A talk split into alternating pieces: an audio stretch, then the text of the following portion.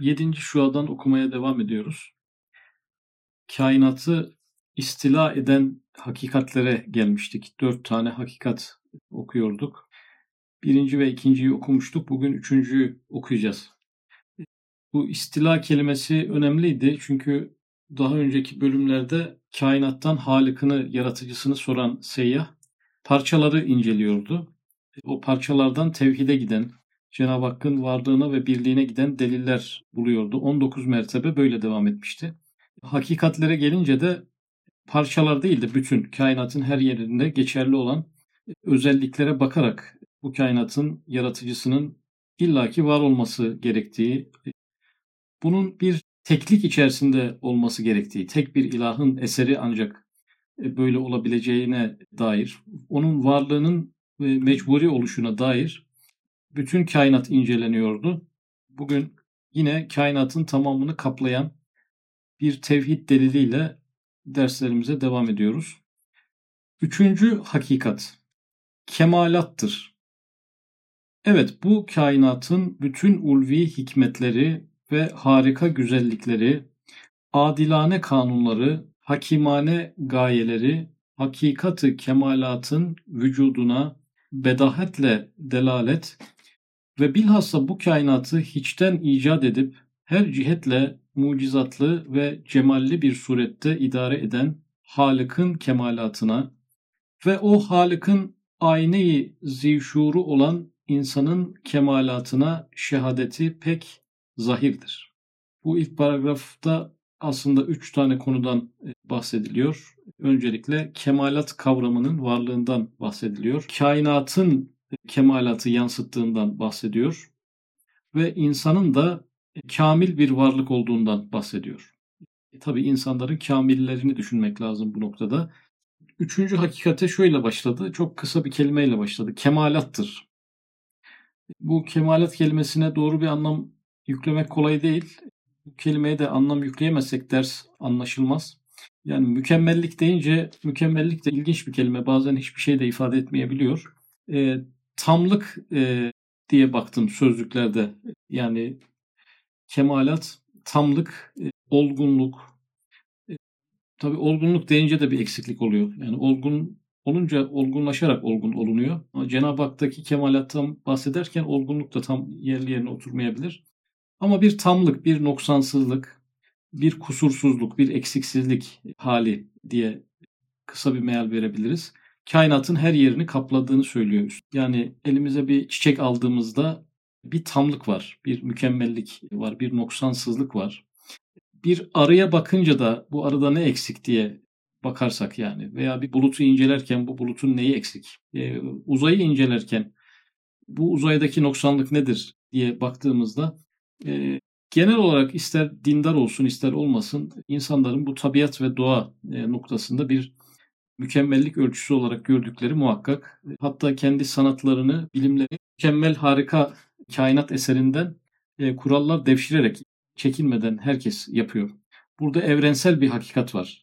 Kainatın her yerinde kemalatın olduğu e, muhakkak. E, bu ilk paragrafta ki kelimelere biraz daha odaklanarak devam edelim. Ama ilk etap kemalat kelimesine de sanki bir açıklama yapmış gibi. Evet bu kainatın bütün ulvi hikmetleri, ulvi hikmetleri, harika güzellikleri, adilane kanunları, hakimane gayeleri, hakikati kemalatın vücuduna bedahatle dalalet eder diyor. Öncelikle burada e, bunun üzerinde duralım. Eğer kemalat kelimesine bu paragrafın ilk cümlesi bir mana yüklemişse hikmetli olmak yani yaratımların hikmetli olması, fonksiyonel olması hatta çok fazla işlevin aynı noktaya kilitlenmiş olması hikmet kelimesinin fayda anlamı da var, e, gaye anlamı da var, maksat anlamı da var, e, israfsızlık anlamı da var. Dolayısıyla kainatın her yerinden hikmet fışkırıyor. E, kemalat kavramı, bugünkü üst kavramımızın bir şubesi hikmet.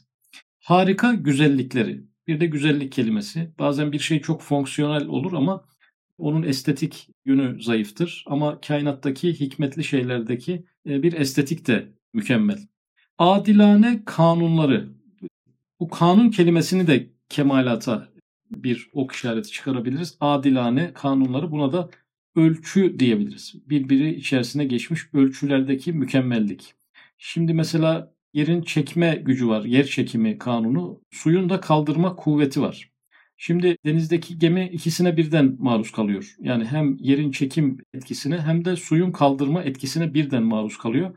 İki tane yasa birbirinin sınırlarını çiziyor. Bu gemi orada gayet dengeli bir şekilde ilerleyebiliyor. Halbuki bir yasa bir başka yasa tarafından dirençle engellendiğinde çok büyük karışıklıklar çıkması lazım. Halbuki kainattaki en küçük parçada bazen binlerce yasa karşı karşıya geliyor.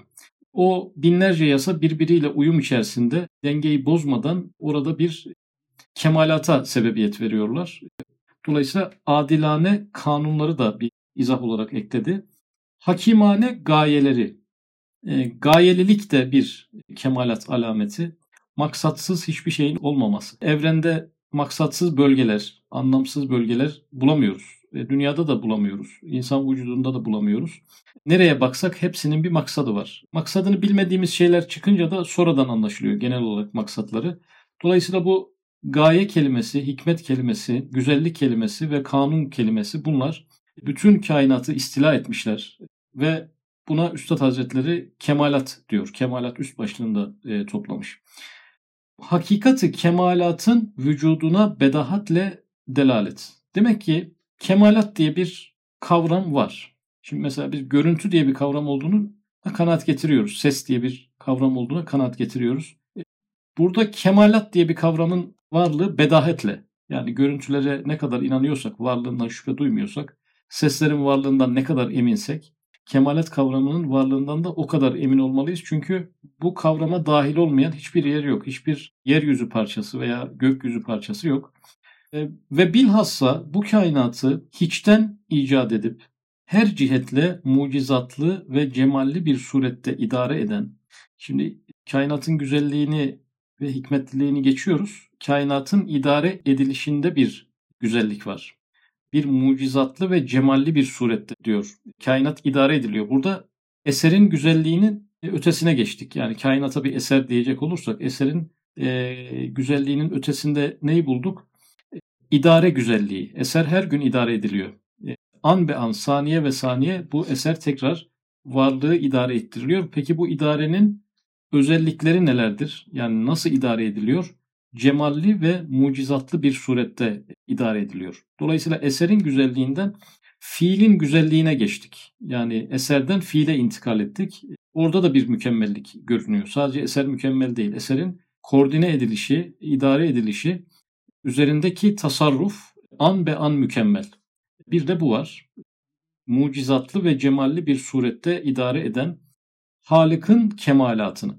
Şimdi burada da isme intikal ettik. Yani kainat bir eserdi. Oradaki mükemmellikten kainatı idare eden fiillerin mükemmelliğine yani eserin mükemmelliğinden fiilin mükemmelliğine geçmişken onun da ötesinde artık esmaya geçtik. Burada Halık'ın kemalatına, vasıfların mükemmelliğine. Yani bir marangoz örneğini de Üstad Hazretleri verir. Yani güzel bir eser yapması onun eserin güzelliğine işaret eder. Eserin güzelliği de fiilin, marangozluk fiilinin güzelliğine e, işaret eder. O da marangozun güzel iş yapma sıfatına götürür bizi. Bunu başka yerde anlatıyordu. Burada da kainat örneği üzerinden kainatın mükemmel oluşu ve mükemmel idare edilişi e, yaratıcının isimlerinin kemalatına, özellikle hangi isminin? Halik isminin kemalatına götürüyor. Ve o Halık'ın ayneyi zişuru olan insanın kemalatına şehadeti pek zahirdir. Halık'ın ayneyi zişuru olan insanın kemalatına şehadeti pek zahirdir. Şimdi kainatın mükemmelliği insanın mükemmelliğine bir delil olarak kullanıldı. Yani insanın mükemmelliğiyle kainatın mükemmelliği arasında nasıl bir bağ var? Kainat insana hizmetkar olmuş, boyun eğdirilmiş, tesir edilmiş, hizmetine ve emrine verilmiş. Bunu hem ayetlerde görüyoruz hem gözümüzde görüyoruz.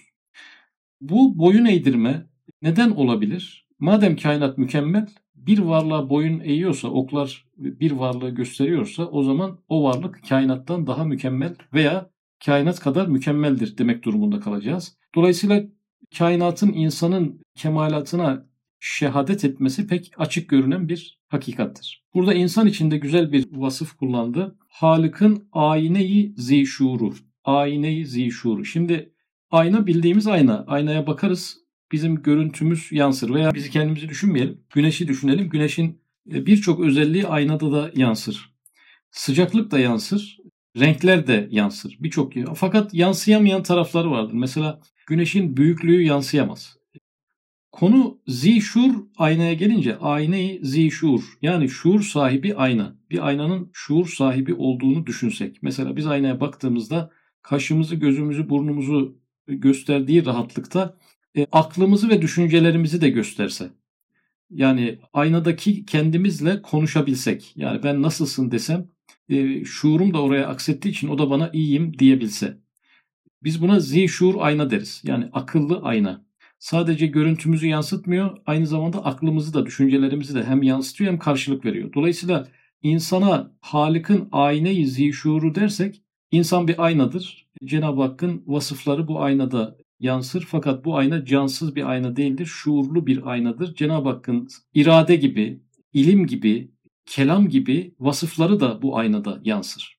Yani Cenab-ı Hakk'ın isim ve sıfatlarının insan aynasında gölge olsa bile yansır. Yani insanda ne varsa aslında Cenab-ı Hak'taki bir esma ve sıfatın e, yansımış halidir. İnsan e, Halık'ın şuurudur. Şuur sahibi aynasıdır. E peki şuur sahibi olmayan aynalar mı var acaba? İnsanı böyle ayırt ettik. Mesela bitkiler de e, Halık'ın aynasıdır. Hayvanlar da bir noktada Cenab-ı Hakk'ın bazı isim ve sıfatlarına aynedarlık ederler ama şuur sahibi olmadıklarından e, eksik bir aynedarlık olur ve aynedarlık ettiğinin de farkında değildirler böyle bir insanla onların arasında da yansıma kanunu bakımından bir fark oluşmuş oluyor.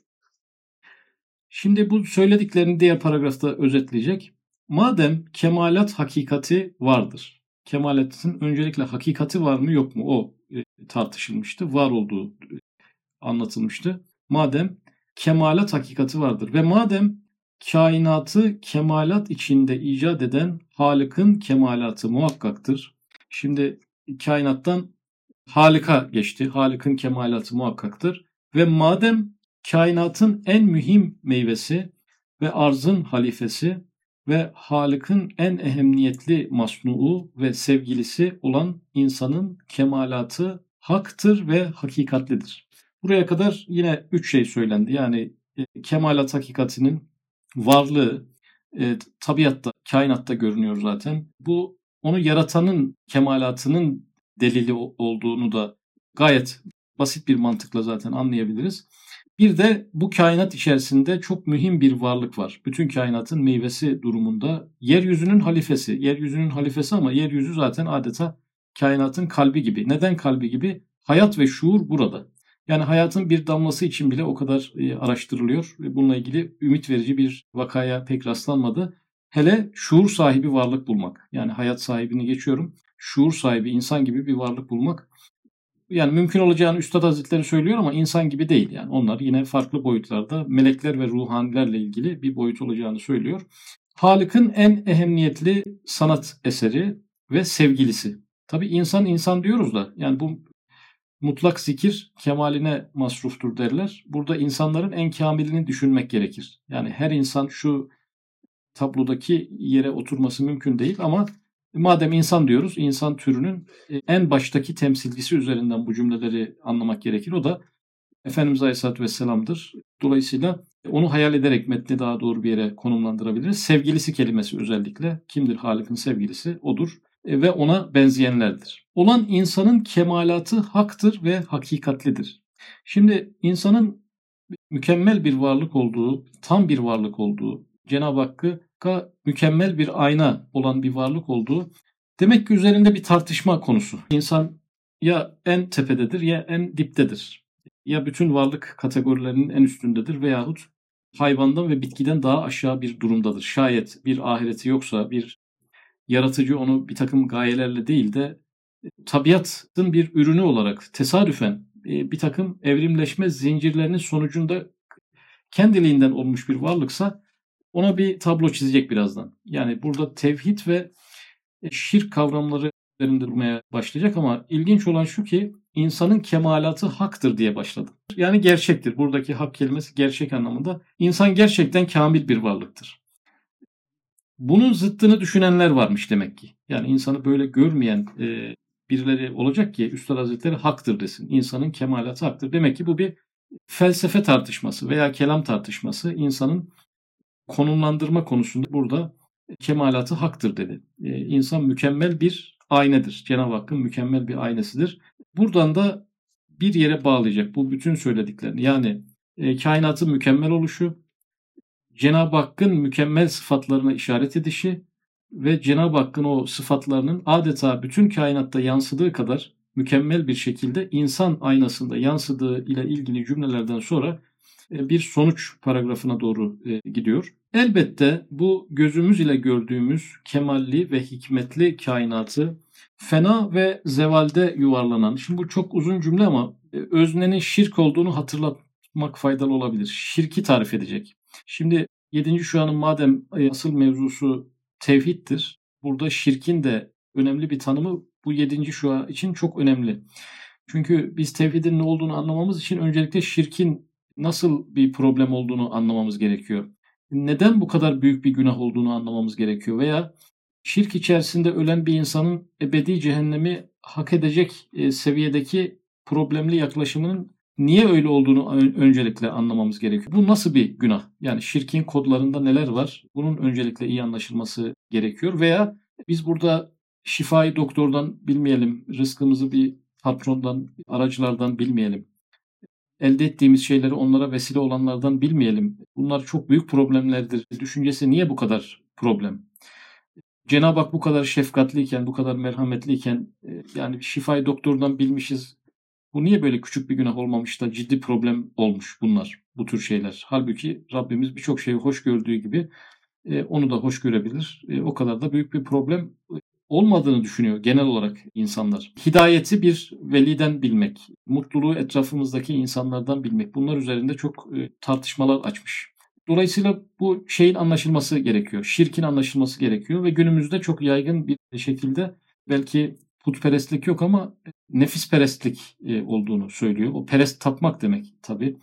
E, suret perestlik olduğu söyleniyor. Görünüşlere tapmak, görüntülere tap. Esbab perestlik diye bir e, hastalıktan çok sık olarak bahsediyor. Sebeplere tapmak, sebepleri her şeyin kaynağı olarak görmek. Bunları normal o bildiğimiz putperestlik kategorisinde ne yakın inceliyor. Üstad Hazretleri. Bir fark çok fazla bir fark görmüyor. Hele ki e, bir insan esbab perestlikle kalbini tamamen kilitlemişse onun kalbinde tevhide bir yer olmayacağını ifade ediyor. Birçok yerde bunu ifade ediyor. Dolayısıyla bu uzun cümlenin öznesinin şirk olduğunu unutmazsak cümle daha iyi anlaşılabilir. Gerçekten anlaması, kavraması için çok emek isteyen bir paragraf. Tekrar alayım şirk öznesiyle beraber o zaman. Elbette bu gözümüz ile gördüğümüz kemalli ve hikmetli kainatı. Biz gözümüzde kemalli ve hikmetli görüyoruz ama kainatı. Fena ve zevalde yuvarlanan. Yani şirk içinde birisi nasıl görüyor? Fena ve zevalde yuvarlanan. Kainat yokluğa gidiyor, insanlar da yokluğa gidiyor. Yani ahirette olmayacak haliyle şirk öznesiyle başlattığımız için hayatı inceliyoruz. Şirk gözüyle de insanda bir mükemmellik kalıyor mu? Şimdi bütün herkes fena ve zevale doğru yuvarlanıyor. Ve neticesiz olarak tesadüfün oyuncağı, tabiatın mel abegahı, zihayatın zalimane mezbahası. Hayatı tarif ediyor. Şirk bir oyuncak. Yani tabiatın elinde herkes oyuncak. Ve oyun yeri, hayat bir oyun yeri. Ciddiyetsiz bir şey. Yanlışlıkla gelmişiz, tesadüfen gelmişiz ve bir ciddiyetsizlik içerisindeyiz. Bizi kim buraya getirdi? bu Halil Cibran'ın bir sözü var. Bu muydu annemin karnını tekmeleyip durduğum hayat? Hayata gelmişiz ama bu, bu mu yani? Niye gelmişiz? Zihayatın zalimane mezbahası. Mezbaha kesim yeri. Yani ne için geliyoruz? Ölmek için. Ee, ne için? Yok olmak için. Zaten yoktuk. Bir daha yok olmak için. Şimdi 100 yıl önceki yokluğumuzdaki pozisyonumuz neydiyse vefatımızdan sonra da aynı pozisyona düşüyoruz. E peki aradaki süreç niye oldu bu sefer? Yani yoklukla iki yokluk arasındaki varlık e, niye oldu? Bir de bu iki yokluk arasındaki varlık da varlık olsa.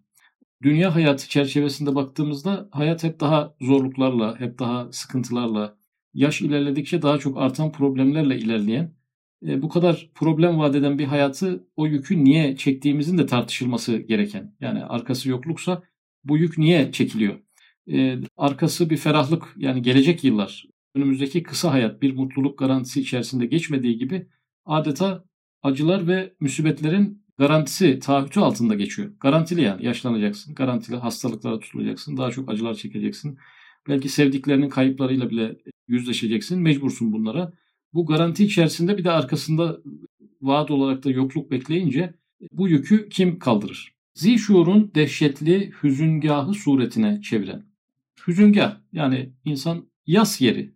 Geliyorsun ya öleceksin ya da ölenlerin acısını çekeceksin. Böyle bir hayatın içerisindesin. Hüzüngah suretine çeviren ve asarı ile kemalatı görünen insanı en biçare ve en perişan ve en aşağı bir hayvan derekesine indiren.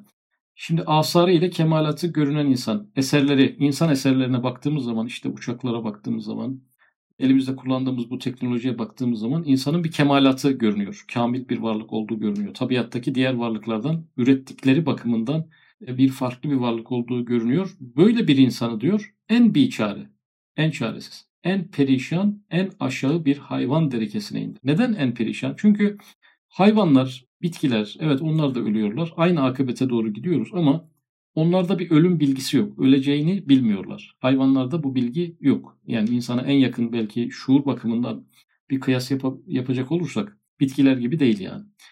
Hayatından lezzet alıyorlar. Bütün hayvanlar bu noktada gelecek endişeleri yok. Önümüzdeki yılla ilgili kaygıları yok diğer kış nasıl geçecek diye bir problemleri yok.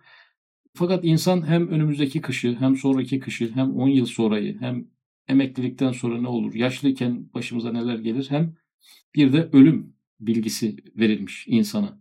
Dolayısıyla ölümün gözünün içine baka baka yaşayan bir varlık. Diğerleri öyle değil. Ölümden haberleri yok. Dolayısıyla varlıkların da en perişanı oldu. Şimdi biz şu soruyu soralım. İnsan varlıkların en biçare ve en perişanı mı? İşte en kamili ve en mutmain olanı mı? Biz bunu arıyoruz. En üstlerde mi en altlarda mı? Onu arıyoruz. Şirk gözüyle bakacak olursak mecburen en alta çekmemiz lazım. Neden? Çünkü hayvanlardaki lüks e, bizde yok.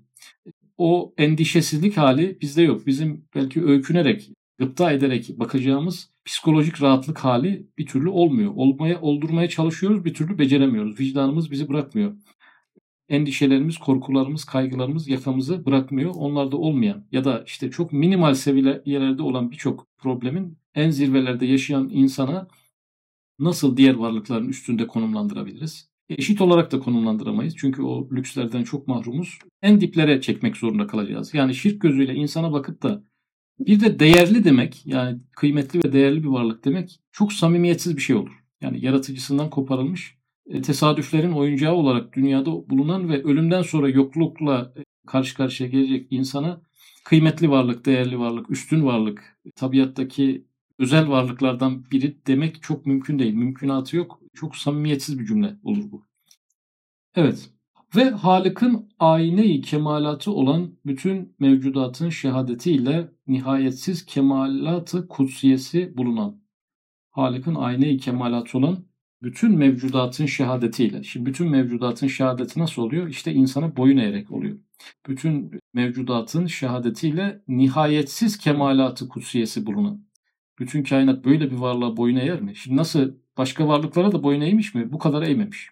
Mesela güneş ışığından her varlık biraz istifade eder. Ama insanın güneş ışığından istifadesinin belki yüz binlerce çeşidi var. Yüz binlerce çeşit istifade ediyor nihayetsiz kemalat kutsiyesi bulunan o Halık'ın kemalatını setredip perde çekerek neticeyi faaliyetini ve hallakiyetini iptal eden şirk elbette olamaz ve hakikatsizdir. Şimdi şirk neymiş? Halık'ın kemalatını setretmek, perde çekerek neticeyi faaliyetini iptal etmek. Kainatın faaliyetleri var.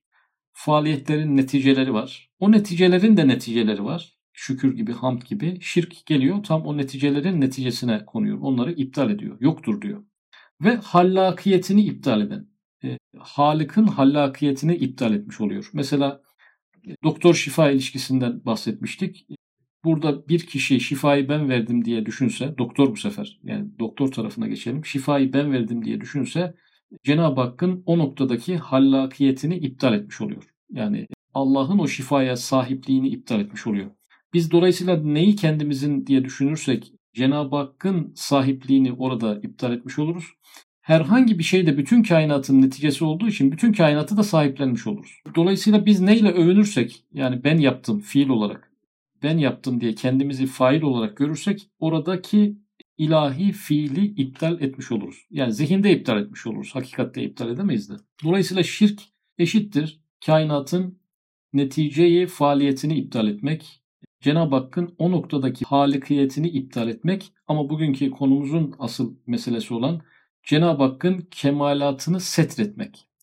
Cenab-ı Hak bir orada bir fiil icra ediyor, mükemmel icra ediyor. Orada şirk girdiği anda o mükemmellik bozuluyor. Cenab-ı Hakk'ın kemalatı örtülmüş oluyor. Üzerine toprak atılmış oluyor. Cenab-ı Hakk'ın kemalatını iptal etme işi. E, bütün kainatta madem ki kemalat hakikati bütün kainatı istila etmiş, e, kafir veya müşrik kainatın Rabbinin e, Allah olduğunu bilmediği için bütün kainattaki kemalatlara perde olmuş demektir. Bütün kainatı kaplayan bir günah. Yani burada şirk bir şeye karşı değil, her şeye karşı olmuş oluyor.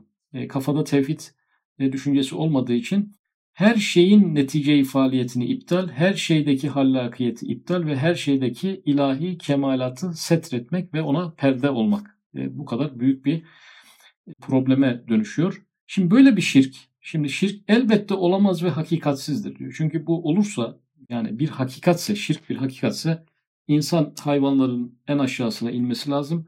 Kainattaki bütün güzelliklerin de bir matemhane e, özelliğine bürünmesi lazım. E, ve bizim varlık dediğimiz, hayat dediğimiz şeyin de aslında ölüm ve yokluk olduğunu kabul edilmesi lazım.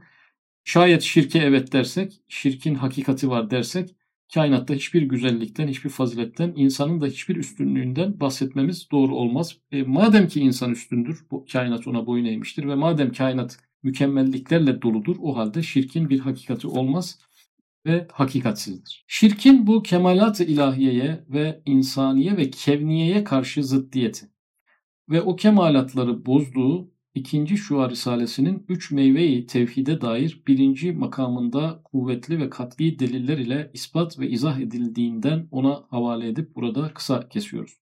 E, paragrafın başındaki cümlenin üç kelimesi önemli. Şirkin bu kemalat ilahiyeye ve insaniye ve kevniyeye karşı zıddiyeti. Yani şirk öncelikle kemalat-ı ilahiyeye bir tahkir, İkincisi insaniye kelimesi geçiyor. Kemalat-ı insaniye. İnsanın kemal bir varlık olduğuna karşı bir tahkir, bir tekzip. Ee, bir de kevniye kelimesi geçiyor. Kemalat-ı kevniyeye karşı, kainatın mükemmelliğine karşı e, bir tekzip, bir tahkir olmuş oluyor. Dolayısıyla bizim bu müşrik dediğimiz veya kafir dediğimiz aslında ne günah var adamın? Kimseye zarar vermemiş. Hiç kimsenin canına kıymamış. Kimsenin malına konmamış kimsenin kalbini kırmamış hatta diyelim ki. E, bir insanın sonsuz cehennem gibi bir tartıya oturtulmasının sebebi bütün kainatın, kainatta yaşayan, yansıyan bütün esma ilahiyenin ve insanın hakikatini tekzip etmesi, yalanlaması. Dolayısıyla ne kadar insan varsa her birinin şahsı manevisini en diplere çekmiş olmak, kainattaki bütün varlıkların hukukuna, e, itibarına, haysiyetine bir suikast yapmak. Bu hiçbir cinayetle, hiçbir büyük günahla ölçülemeyecek derecede bir günah. Neden? Çünkü varlıkların e, belki sonsuzluğuyla alakalı bir günah. E, bu günaha girmediği, bu problematiğe girmediği, bu yaka paça olmaya girmediği hiçbir varlık olmadığı için sonsuz sayıda işlenen bir günahın cezası da sonsuzlukla ifade edilebilir. Bizim kendi dünyamızdaki e, ifadesiyle yani maşallah demediğimiz, inşallah demediğimiz, e, bir güzellik görüp de Cenab-ı Hak'la ilişkilendirmediğimiz veya kendimizden bilerek zayi ettiğimiz veya Allah'tan geldiğini unuttuğumuz hadiseler atmosferinde biz bu büyük şirke, bu meşhur şirke girmemekle birlikte o şirkin e, akrabası olan esbab perestlik büyüyünce adeta öbür şirkin yerini doldurabilen e, konudan kaçınmakta çok büyük yarar var. Bunu da basit bir mevzu olarak görmemekte fayda var. Üstad Hazretleri bunu e, en büyük mevzu olarak ele almış oluyor. E, üçüncü hakikatte de Cenab-ı Hakk'ın kemalatının bütün kainata yansıdığını, bütün kainata yansıyan bir ortak kanunun da ancak ortak bir elden, ortak bir merkezden yansımış olabileceğini, ortak bir merkezden gelmemiş olsaydı bu kemalatın sağlanamayacağını ifade ederek yine Cenab-ı Hakk'ın hem varlığına hem birliğine bir delil daha getirdi. Önümüzdeki derste de dördüncü hakikate geçeceğiz. Ondan sonra da yedinci cuanın hakikatler bölümünü bitireceğiz inşallah.